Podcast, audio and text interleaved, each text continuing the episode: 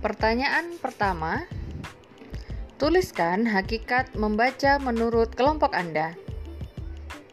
Anda dapat menjawab pertanyaan tersebut dengan langsung menekan link di bawah suara ini.